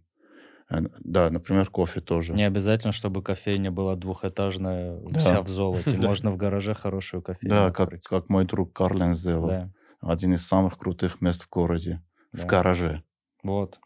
Я, я говорю, я еще год назад, я, по-моему, Гар тебе говорил, что если бы мне сказали, что армяне пойдут в гараж пить кофе за большие деньги, но это не, ну, не дешево стоит, я бы никогда в жизни не поверил. А сейчас это возможно. Ну, Карлен, когда открыл, мы тоже сомневались, что это пойдет. Мы говорили, ты точно уверен? Но это Да, пошло. Это потому что человек верил в это и дает качество. Например, мы пару дней назад с ним говорили, он говорит, армяне приходят, э, есть д- два вида э, клиентов. э, и, и, и, рус- и русские, и армяне приходят туда. Говорит, русские есть, э, которые это понимают, русские есть, которые как где-то в каком-то видео увидели про это, пришли посмотреть, и им э, прийти прям какой-то что- сахар попросить или что-то. А они не дают сахар, например. Они считают, что хороший кофе нельзя пить с сахаром. И, Мгм. и я тоже так считаю. Это правильно. Нельзя хорошим кофе использовать сахар. Но это э, личное дело каждого. Но они для себя решили, что в нашей кофейне мы не будем давать сахар. Мгм. Вот люди приходят жалуются, почему вы не даете сахар. Они говорят, это наше решение. Они думают, что мы какие-то странные или, э, не знаю, строим из себя, э, Выпендриваемся. выпендриваемся, какие-то эксперты кофе, но не, не принимают наши решения. Вот мы с ним говорили насчет... э, ну, после этого... Нет, это другая тема, ладно. В общем, ну, э, э, знаешь, надо уважать людей, которые тебя слушают, надо уважать людей, которые прода- покупают твой товар. Например, э, я про эту тему, э, не знаю, по-русски смогу нормально объясниться или нет. Есть два вида товара. Масс-продукт и нишевый продукт, который стоит больше денег, и там больше про качество. На массовый продукт, э, ну, на- например, на лейбл ты пишешь очень э, ясным языком, что это за продукт. Сладкая вата с вкусом клубники, не знаю. А, например, на хорошее вино написано сухое вино. Но там миллион разных вкусов. На хорошее вино ты не будешь объяснять, что это сухое вино с ароматом, не знаю, апельсина. И, и, в общем, потому что ты даешь выбор э, человеку, который... э, это ты оставляешь человеку, который купил. Потому что ты уважаешь этого человека и уважаешь его вкус он сам пьет и решает, как, э, ну, он понимает в этом. Ему не надо дословно объяснять, как, не знаю, э, покупать, э, кто человек, который покупает сладкие эти, не знаю, вату или кукурузу, где все дословно написано. Э, я это к тому, что разные виды товара есть, разные виды стендап есть, разные виды... эм, И есть стендапы, которые ты уважаешь человека, который там сидит, и ты уважаешь э, его мнение, ты понимаешь, что там не какой-то тупой сидит, которому на- и тебе не обязательно только тупые шутки по 8 марта делать или про мужчину, женщину, э, их, как они между собой общаются. А наоборот, ты хорошие шутки э, шутишь, э, где есть смысл, и человек должен подумать. Ну, это, это про уважение. Это ниша, это не масс-продукт, но ты должен понять разницу. Не знаю, объяснил? Да, объяснил. Да, спасибо. Мы теперь будем делать нишевый. Ну, у вас продукт по-любому нишевый. Ну, я так считаю. Может, я не прав. Да, да, он точно, ну, есть у нас люди. Блин, э, я как-то сидел в зале, и не помню, какое у нас шоу было на русском языке, и сидели пятеро ар- а, армян, парней. И ви- я вижу, что это не наша аудитория. Мгм. Они не выглядят ни плохо, ни хорошо. Просто, ну, по ним видно, что это, ну, эти парни случайно к нам попали. И я в какой-то момент смотрю, они прям смеются больше всех. Прям угорают. Я такой, блин, как круто, что такие люди тоже пришли, им нравится. Мгм. Я в какой-то момент рядом с ними прохожу, и один из них говорит, «Арасуреньки, орасары». И, и просто умирают от смеха. И силюрджа. Понимаешь, Э, оказалось, что да, они реально случайно пришли. И они смеялись не с того, что на сцене происходит, а с того, что они попали в эту э, в этот зал, и сейчас они находятся этот тут. сюр. Да, в этот сюр, и им от этого смешно. К чему я это отвечал, вообще не помню. Это да. Я так себя на 50 центе чувствовал в Ереване. Ну, это как, э, не знаю, человеку, который каждый день пьет кофе с аппарата с сахаром за 100 грамм, э, дать хороший кофе. Он выпьет, скажет, что это за херня. Кофе. Или скажешь кофе как кофе. Не, не, он скажет, что это плохой кофе. Да? Я, я реально, у меня, у меня, без сахара же. у меня аэропресс, и у- э, я св- свой кофе сам делаю через аэропресс, но смотри, я, я расскажу на моем примере. Я ничего не понимал в кофе очень долгое время. То, что давали, то и пил, как э, дешевый Как кофе вы. с аппарата. И. Как вы вот этот double пьете. в, в это время, когда я, и- мне бы дали хороший кофе, я бы попробовал и сказал, что это за херня. Принесите мне то, что я пью. Да, я, я к тому, ш- когда ты не знаешь, что такое качество, качество для тебя будет смешное. Ну, э, потому что ты в этом ничего не понимаешь, и это нормально. Для всех нас что-то смешно, но э, она качественная, то, что мы пробовали. Мгм.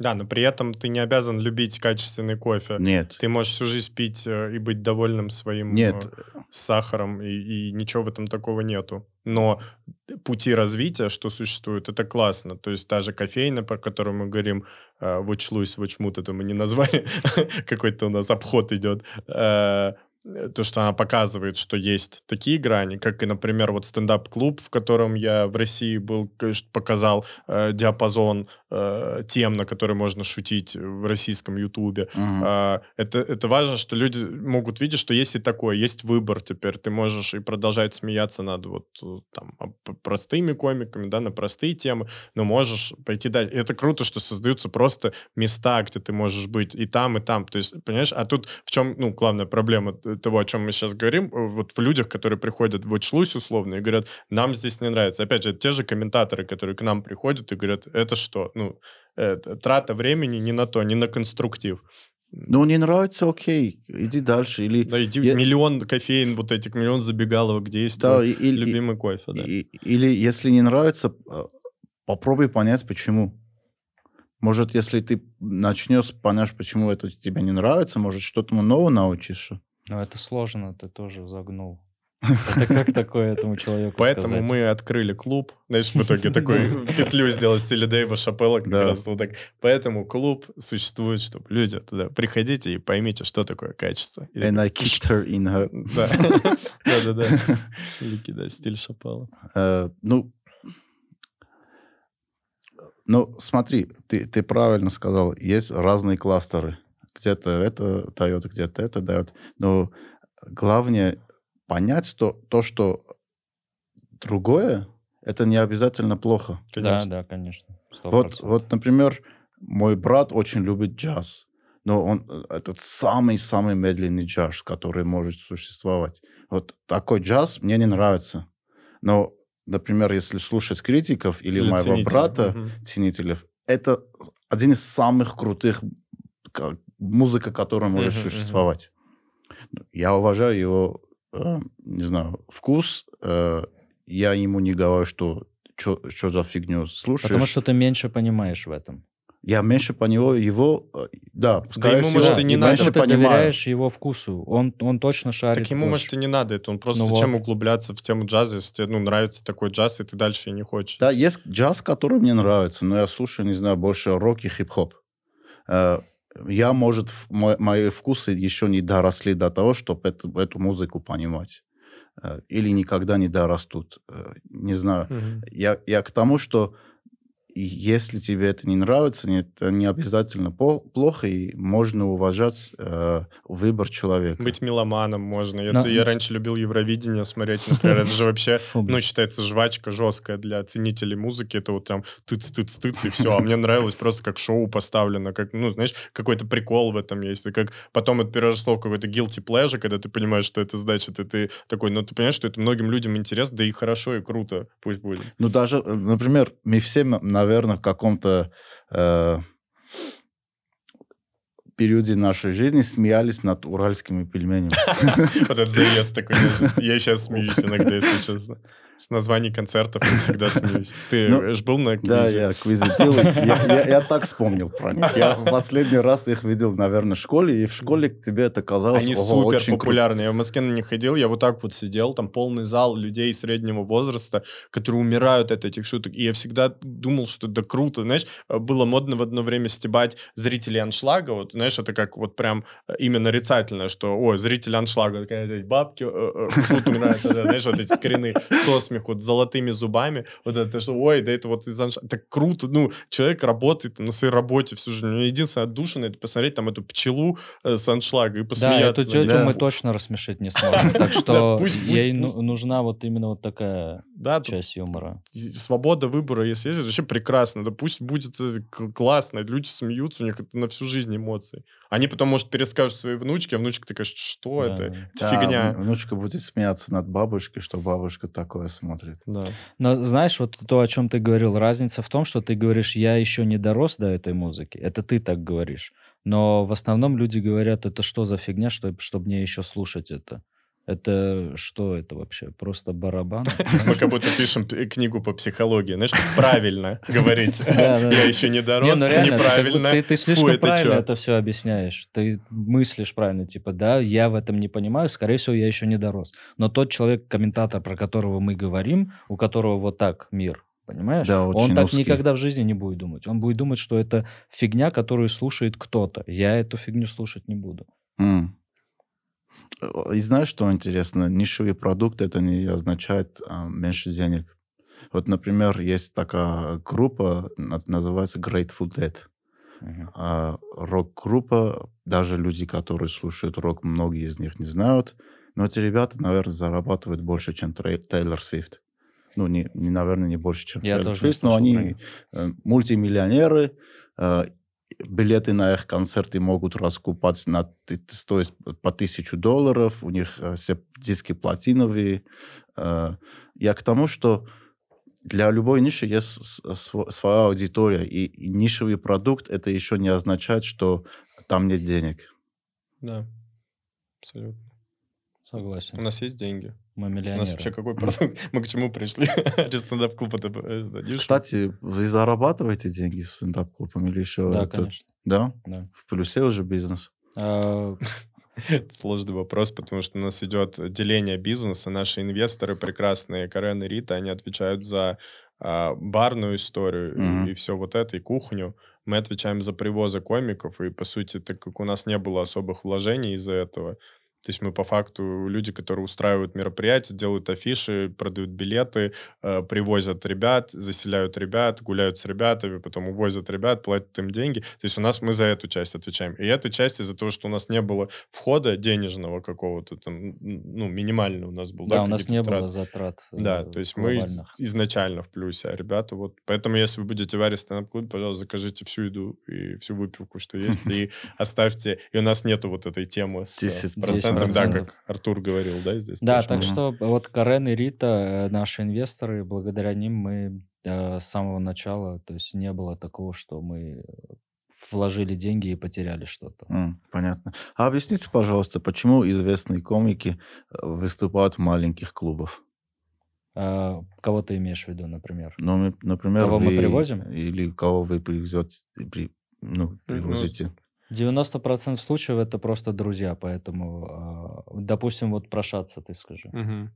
Да что про него говорить? Ну что Шац мог бы спокойно 2-3 огромных там Ну, не зала огромных, но кукольный, например, он да. мог бы собрать там Мгм. 300 с чем-то человек. Я думаю, Шат собрал бы. Но, опять же, из-за того, что у нас с ним какая-то там дружба, и я его под свою ответственность могу привести, например, в клуб, где нет аренды, которая будет там в кукольном, где я могу поставить билеты и сделать, например, 4 концерта на 80 человек, и он при этом за, то можно такие же деньги получить, просто чуть побольше выступить придется. А, но при этом есть у нас большие привозы, ну, не у нас, но вообще есть большие привозы в Ереван. Там вот Абрамов сегодня, по-моему, выступает, Бибуришвили там какое-то невероятное количество людей Белый, собрал. Гурам. Что для меня, да, Мгм. э, то есть выступают и в больших, и это абсолютно не мешает э, сосуществовать, опять же, Мгм. э, к нашему вопросу. То есть к нам, опять же, заходят и ребята, которые собирают тут залы. Например, Саша Малой, там мой друг из стендап-клуба, он недавно приезжал, выступал в кукольном, он собрал кукольный, а сейчас он приедет скоро э, выступать у нас только в клубе. То есть он даст там два концерта у нас в клубе. И ничего в этом такого. И Ну, мы, я думаю, мы, помнишь, первые наши концерты в Иране были как раз в кукольном театре. Мы два раза выступили с концертами. Вообще одни из лучших впечатлений. Да, мы приехали и через две недели с Гариком поставили концерт. И это, наверное, один из самых крутых концертов был э, Да. лично в моей Там жизни. секретный гость был Артур Чапарян, э, о котором, э, о секретности которого знал весь Ереван. Но это на втором, это на втором концерте, да. Да. А как вообще э, комики становятся известными? Например, в России как эта система работала? Это очень интересный а, момент, потому что Вот, э, он меняется постоянно. То есть сейчас, вот, вот на сегодня э, можно просто снять себе на свою камеру стендап в каком-нибудь барчике, э, завирусить э, видео в рилсах и в тиктоках, и ты наберешь себе аудиторию, будешь популярным. То есть даже год назад вообще не так это было. Год назад примерно это в YouTube надо было выложить концерт, год-два Мгм. назад. То есть ты в Ютубе, ты там его промоутишь. Э, раньше был такой еще hype train, состоящий из трех частей. Это э, что было дальше, Дудь и Ургант. То есть там было несколько комиков, которые сразу собирали собрали это, э, этот хэт-трик, да, и, и, вс- и, все. И, то есть они уже звезды априори. То есть так этот Комиссаренко, Орлов так был, Усович так был, то есть ну, Чеботков. Чеб- Чеботков, да, то есть нужно вот это... Раньше еще до этого нужно было, вот первая волна стендапа на ТНТ, нужно было попасть просто в первую волну стендапа на ТНТ. То есть вот где Белый, Ахмедова, Каргинов, когда они все заняли как раз свою нишу, там, старовой, там, Ага. семейный комик Белый про военных, Ахмедова про женщин, и вот-вот они заняли. До этого еще там Comedy Club, и это постоянно меняется. То есть вот если говорить на сегодня, как стать популярным комиком, сегодня вообще непредсказуемо все. Сегодня шорты на Ютубе собирают намного больше, чем э, сами видео на YouTube. Мгм. Сегодня рилсы в Инстаграме собирают намного больше, чем твой там 10-минутный отрывок э, в YouTube. А, Поэтому всегда приходится подстраиваться, опять же, развиваться. Это очень интересный процесс, потому что вот это клиповое мышление ТикТока, оно в итоге захватило все э, сети, все медиа, и сейчас вот выгоднее вообще по шутке как будто. Вот выгоднее пару хитовых шуток написать, выложить, и все таки ой, интересный человек. По статистике, там, ТНТшные комики сейчас набирают, э, да и не ТНТшные, просто очень много подписок в Инстаграм приходит от рилсов, которые Мгм. подписаны, знаешь, и я это не мог принять, я смотрел такой, да зачем я должен читать эти шутки, а потом в какой-то момент такой думаю, да, действительно, без звука я понимаю, что Да. за шутка, ой, а сделаю-ка это я так же, и знаешь, э, так что сейчас, наверное, можно как угодно. Причем порог вхождения в стендап очень низкий. Ты можешь просто записаться на открытый микрофон. Единственная проблема, что сейчас очень много людей записываются, и ты фиг запишешься куда-то. Мгм. Даже у нас мы делаем анонс в группе, в чате комиков в Телеграме, мы делаем Ой, анонс. давай я сейчас посмотрю, сколько у нас. Да 20 секунд уже за- забивается плюсами. То есть ты, Да. ты ставишь, пишите плюс под комментарием, и вы будете выступать. Вот, вот 10-20 секунд уже там все, все слоты. Э, Для сравнения, вот э, в начале, как мы только приехали, у нас в группе было 15-20 человек, которые могли бы записаться на open mic. Комиков. да. Мгм. сейчас у нас 203 участника. в группе. 203. 203 человека потенциально, Круто. которые могут выступить на open mic. Ну, это значит, рынок скоро поменяется. Желающих много. Это при том, что, я думаю, очень многие еще не знают, что клуб есть, вообще существует из местных. М. То есть мы еще вот все время говорим, никак не выйдем на универы, всякие институты. Мгм. Либо на о себе. листовки, которые тоже работают. э, Да, я так понимаю, в Ереване очень хорошо работает реклама именно афиши в городе. Работают, да. Да. А Люди это видят. Но ин- интересно то, что э, живые выступления пока еще не популярны в Ереване. Вот, например, 15 апреля мы будем делать лайв-подкасты. Нам Подкаст уже три года. Мгм. Э, и э, мы, э, это, это первый раз, как, как мы будем это э, пробовать. Я думаю, получится. Ну, страшно. А где вы будете делать? э, это дом, дом кино. М. Это рядом с нами. Да. А сколько там мест? Там где-то 400, если не ошибаюсь. О. У билеты хорошо продаются. Ну, классно. Ну, а И- ты говоришь, э, не ходят на Не, живые выступления. Ну, не было много живых выступлений. Например, если пару лет назад сказали бы мне, люди будут покупать билеты на живой подкаст, где, Мгм.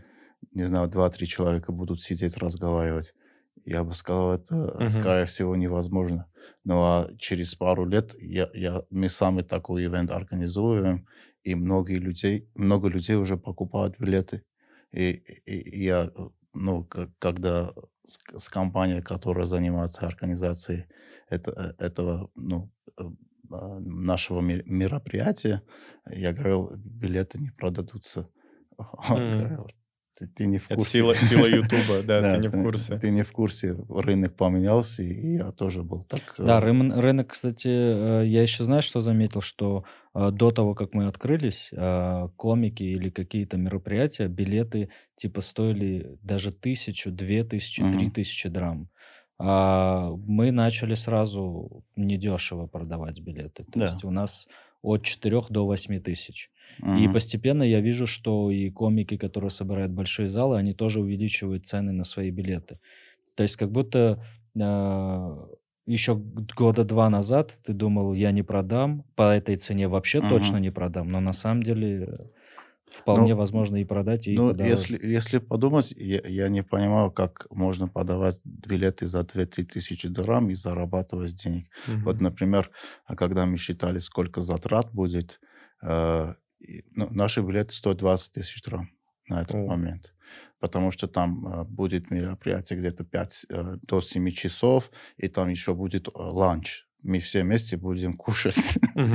Ну, потому что люди слишком долго будут там, и надо... э, мы, мы решили, что э, лучше сделать фуршет, э, пообщаемся, сделаем нетворкинг, э, люди могут пообщаться с нашими гостями, я могу с лю- людьми общаться, и, и, и делать общий фуршет э, будет прикольно.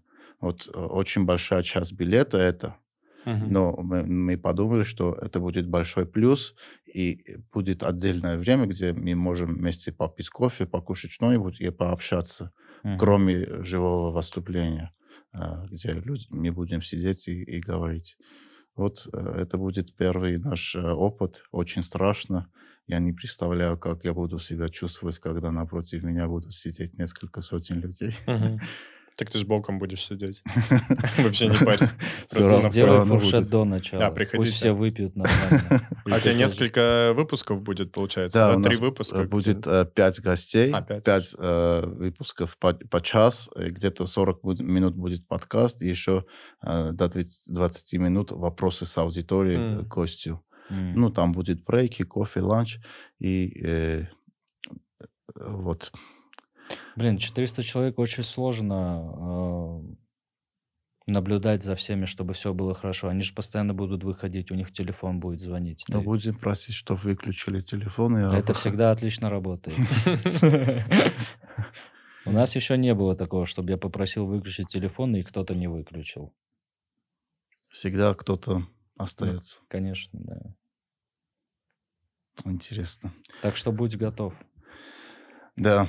Вот потом, после выпуска, да, да, а, после подкаста, дадите мне советы, как, Мгм. Да, как опытные люди в этом. Мгм. Я еще хотел спросить, э, и в Америке, и в России очень много стендап-комиков начинают подкасты. И э, это у них очень хорошо получается. Не знаю, в России Куджи подкаст, в Америке э, Джо. Джо Роган, Билл Бёрр. Билл Бёрр, да, Мэра. есть. Э, у- даже у Дэйва Шапелла есть. Да, да, Марк Мэр. А это... Мэг- Мэ- Midnight Magic. Да, да. Крис Делия есть. Угарный подкаст. Да у всех почти комиков есть подкаст. Это вообще классная штука. А, Не думайте начать? А, у, меня, у меня были подкасты в России, и причем ну, веселый факт, что мы делали группу ВКонтакте. Это опять же про то, как все меняется. Раньше там концентрация была ВКонтакте, российский сайт. А, Там мы делали группу, где все стендаперы сидели. И мы сколько лет, семь назад уже стебали такое явление, как подкасты, хотя было 2-3 подкаста всего. И мы уже стебали. Я, Расул Чебдаров и Тимур Джанкезов. У нас были стебные, шуточные подкасты. Типа мы сидели так втроем на диктофон записывали. Такие, да, вот давайте поговорим про юмор, юмор, да, юмор. Это круто, юмор, да, юмор, йо, ха-ха, юмор. То есть э, для нас это уже, мы, мы понимали, что это сейчас наберет. Мы поняли, что сейчас стендап вот так вот комом развивается. И, соответственно, все комики будут делать для того, чтобы удержать аудиторию, либо создать себе аудиторию, и это очень хорошо работает. То есть есть пример Дима Гаврилов, есть такой комик, вообще один из моих любимых комиков э, э, на русском языке, и у него есть свой подкаст, и у него не, э, где называется Дима Гаврилов думает, и он Мгм. просто один сидит такой, ну, я- я- у него очень интересные размышления, всегда в какую-то шутку приводит, всегда интересно слушать. И там не сказать, что очень много э, просмотров, но он там себе э, хорошую фан-базу сфор- э, сформировал, и теперь он на концертах, э, там, я помню, я был свидетелем, когда он вышел на концерте своем и говорит, кто пришел ко мне, потому что я выступал в стендапе на ТНТ, и там типа, три человека похлопали. Он говорит, а кто подкаст смотрел, там ползала хлопал. То есть это важная а, ступень, наверное, в развитии комика, чтобы у него было что-то, что часто выходит а, и, ну, и поддерживает тебя в, в- в интернет-пространстве, в медиапространстве. А, что ты будешь делать с подкастом? Скажи, кстати, что у тебя выходит концерт. А у меня выходит концерт. Спасибо. Я продюсер. Да, Параллельно я подрабатываю продюсером. Круто. Да, ну посмотрим. как концерт там? э, В итоге из этого концерта я очень много вырезал, потому что не подходило э, там по темам. У меня осталось где-то минут 17-20. Мгм. А, Я буду считать, что... Нет, так, я, я выпущу концерт после того, как будет э, вот этот выпуск. Да, ссылка. Не, надо до, чтобы ты такой, вот ссылка вот так пальцем, и Надо можно до? перейти было. В да, да. понедельник это выйдет? Да. Во сколько? За минуту до этого. Не, можешь реально до этого сделать. скинем э, линк э, сюда. Ну, Да, подписывайтесь на Ари, на наш YouTube канал. Как, как там э, пишется. Ари стендап клуб. Ари стендап клуб. Мы там, я надеюсь, тоже будем делать э, и подкасты, и разные панел-шоу, так что... Да, Ну, мы вас отсняли и- уже материал на русском языке, а, еще один локал сняли. Так что вот начиная со следующей недели у нас должно уже нормально каждые две недели что-то выходить. Поэтому Прикольно. спонсоры. Да, кстати, спонсоры. а, Может, вы уже свяжетесь с нами? А как это работает? Со спонсорами? Мгм. Слушай, на самом деле, вот во время первый локал мы сняли, а, про Андрея Шарапова обязательно нужно сказать. Андрей Шарапов наш третий друг и комик, э, с кем мы вместе открыли этот клуб. Сооснователь. А, и вот мы с Андреем Шараповым поехали в один известный офис а, договариваться. А мы же вообще не умеем это делать. Мы вот говорим, вот продукт, это будет много просмотров, и это качественный стендап и э, всю обложку, там, э, начальное видео, это все снимал Андрей Шарапов с помощью глины, э, свечек. Ну, короче, огромную работу проделал. И э, нам говорят, что это должно быть сказано в стендапе. То есть ты должен прорекламировать их продукт в стендапе. А мы им предлагали сделать все то же самое из глины, их компанию туда-сюда. э, ш- это- Стильно хотя бы Хоте- как. хотели сделать очень стильно, и у нас бы это заняло, там, допустим, недели две работы Андрея Шарапова, если Мгм. не больше. Им не нужно, чтобы мы много работали. Им нужно, чтобы мы вот так сказали, что вот, вот этот продукт наш спонсор. Как, Понимаешь, э, очень это, в лицо. э, а- Aviasales. Да, вот Да. а- Aviasales вообще гении. Они стали нарицательным во всех подкастах, во всех шоу. Уже люди просто шутят. То есть они запустили этот вирус. вы- люди уже... Я говорю, я на всех подкастах шучу или про Aviasales, или про этот Skyeng. Знаешь, вот так вопрос. А может, мы ясно, да, вот Ну. это они все завирусились, еще э, классно сделали. Но видишь, как раз-таки запрос на вот вставку, и сейчас мы должны вставиться в подкасте такие, привет, ты, кстати, переживаешь по этому поводу? Ты такой, да, ясно, все, склейка. Да, Вот да. такие, знаешь, на дешевые скетчи, на вот это все запрос, э, пока не понимают, э, блин, наверное, плохо это говорить в подкасте, где тоже Не, я, есть реклама. э, э, э, э, э, Большинство рекламодателей в Армении э, ни хрена в этом не понимают. Ох, спасибо. Да, спасибо, что ты сказал. Не, реально, нам очень многие бренды пишут, хотят с нами работать, но 95% мы говорим нет. Почему? Потому что первая, а- одна причина, потому что я этот продукт не, мне не нравится, я не буду рекламировать то, что я не использую или не, мне не нравится. Не любишь семечки? Семечки не люблю. Вообще не Я люблю. люблю кофе с сахаром. Кофе с сахаром тоже не люблю. И это... Не буду людей подсаживать на ставки. Это... э. О, кстати, да, если вдруг вы думали, что ставки мы будем рекламировать, это тоже нет. Я я Ну, к тому... Подожди. Подожди, ты что, сумасшедший, сейчас ты прилетит. И- Я к тому, что э, очень многие э, пишут, и, и почти всегда ответ нет, потому что они не понимают формат, они не понимают аудиторию, и э, И хотят, чтобы ты в лоб рекламировал. да, какую-то фигню делать, и, и- и не уважают то, что ты делаешь. Мгм. Они даже, возможно, и не смотрели. Им просто Скорее всего, даже не смотрели, да, но просмотров. слышали, не знаю, rearrange, rearrange, давайте там сделаем рекламу. Ну вот респект за это, потому что мало кто это понимает. Люди такое рекламируют. То есть ты смотришь какой-нибудь свой... Знаешь, вот в батл рэпе было, когда у них было много просмотров, там просто все подряд, там все были в букмекерах, все в каких-то махи- махинистических вот этих организациях. То Да есть без разбора просто. все, все просто наклеено, везде лого, лого, и так некрасиво смотрится, и э, мы как раз-таки также придерживаемся твоей политики в этом плане э, рекламы, и, наверное, поэтому у нас ее нет. Да, М. еще я бы Но хотел у нас добавить... почти э, очень долго не было рекламы. У нас есть постоянный партнер Hexact, э, и но- новые наши партнеры появились, э, которые э, с которыми мы уже Просто- работаем. А, очень А, вкусно. Это а, же не вода, да? Это вода. А- Они уважают то, что мы делаем, они э, понимают формат э, и, и классные бренды, поэтому мы с ними работаем.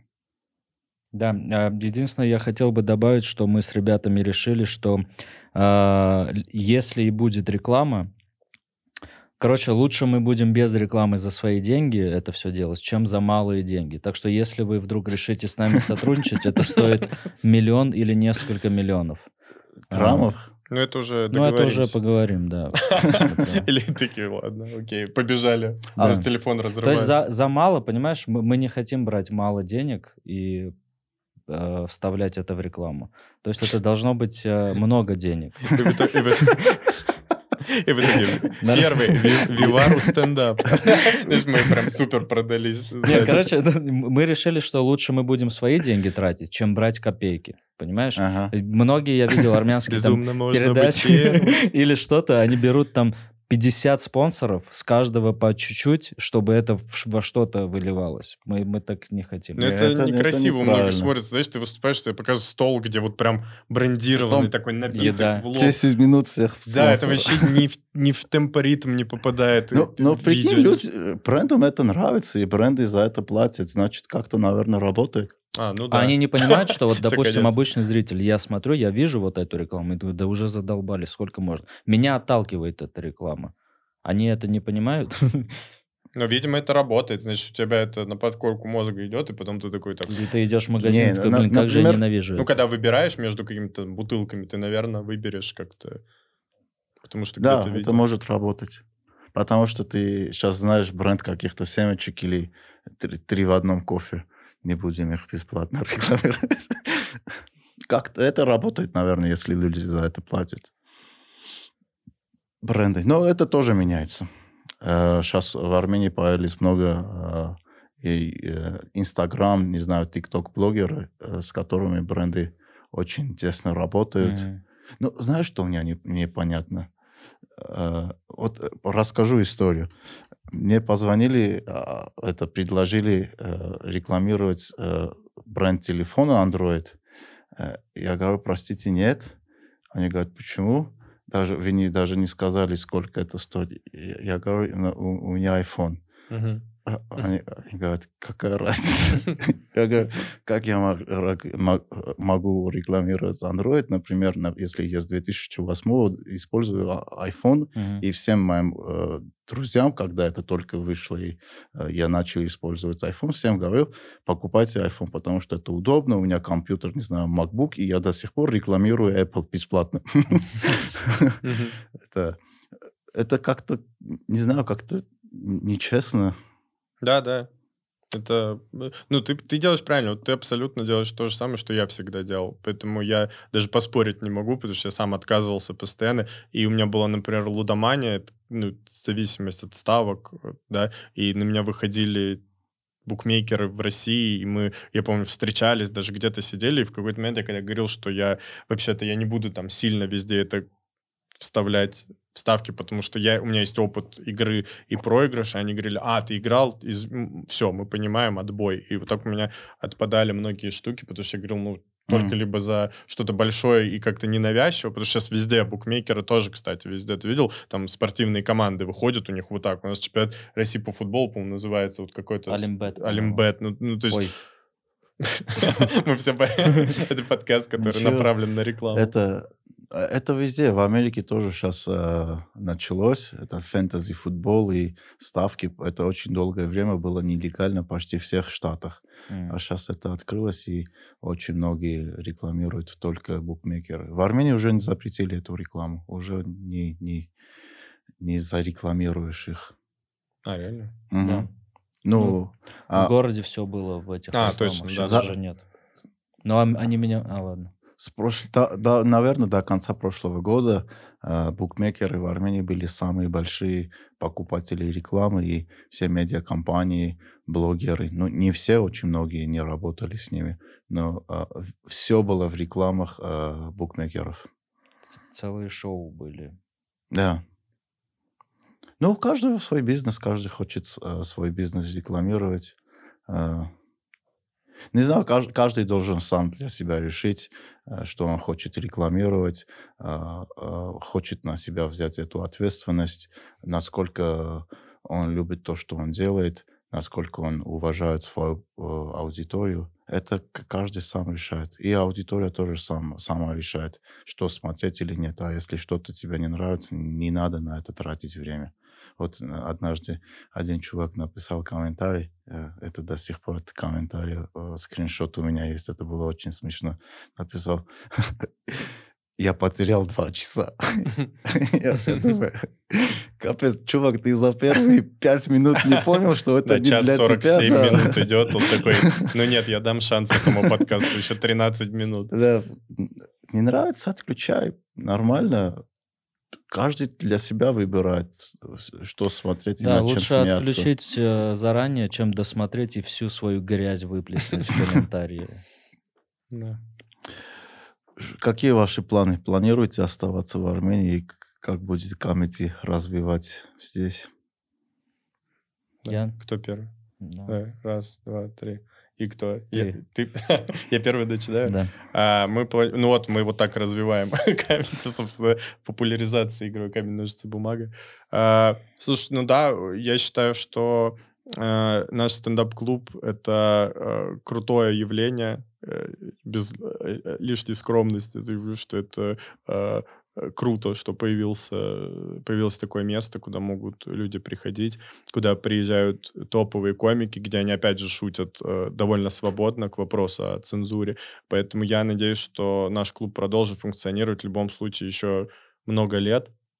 Что касается личных планов, а, я, если честно, не знаю. Я после прошлого года перестал вообще что-либо загадывать, потому что я не мог предположить там год назад, что я там, даже здесь буду жить. Но, опять же, а, при этом, мне кажется, это не должно касаться там клуба. Клуб всегда должен ну, быть, и я надеюсь, он всегда будет именно существовать так, как он сейчас существует, без всяких там, знаешь, рамок и просто хорошее заведение с э, качественными комиками.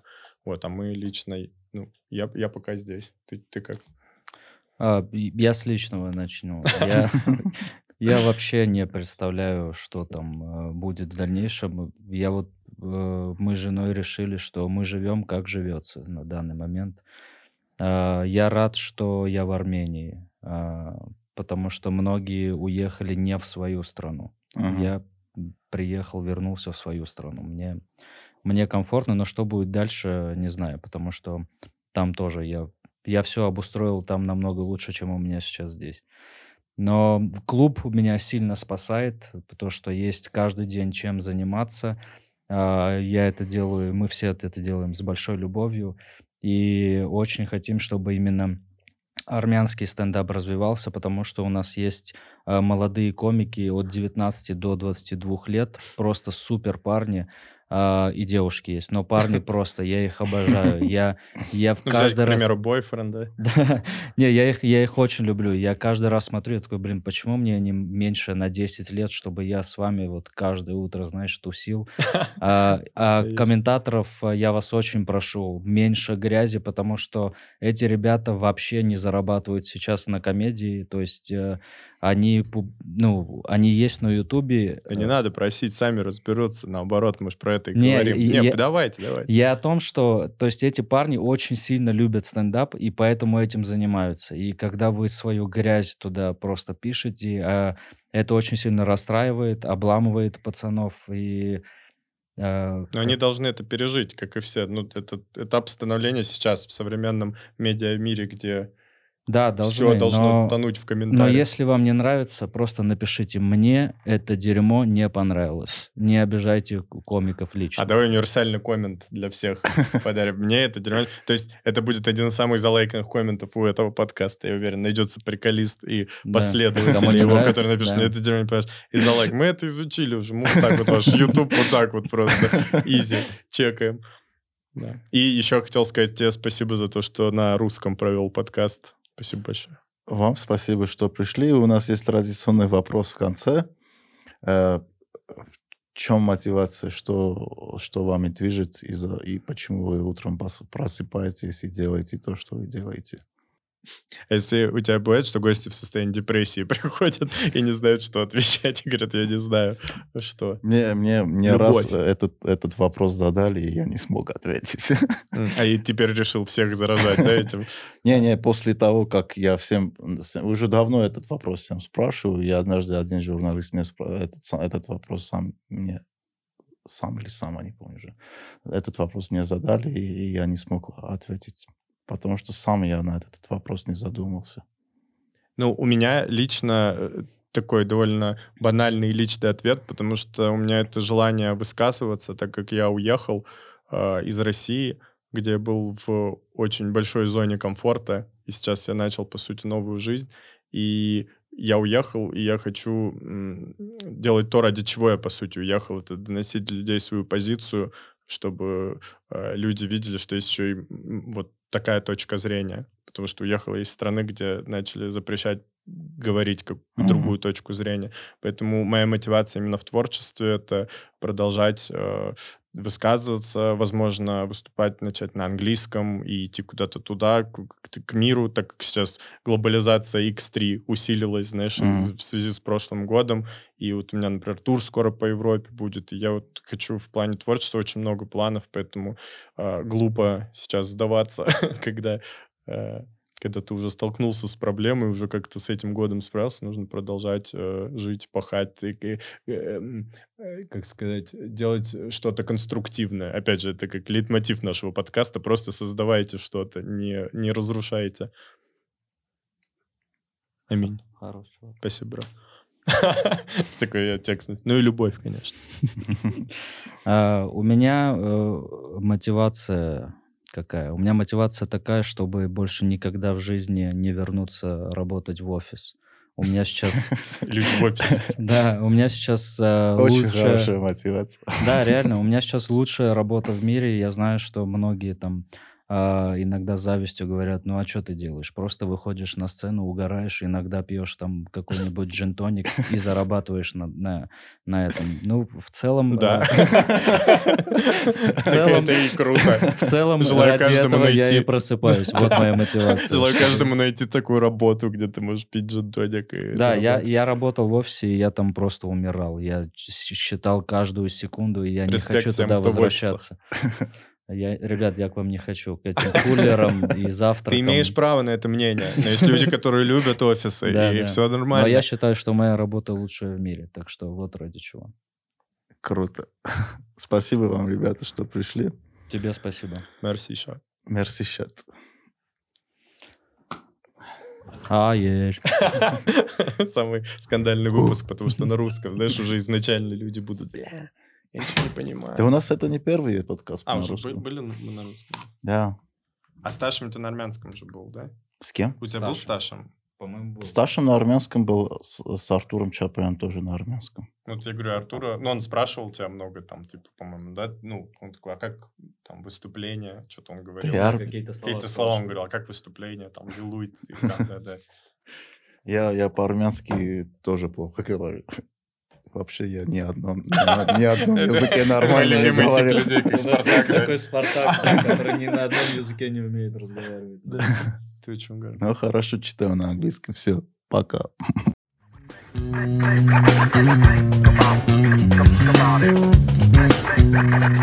on.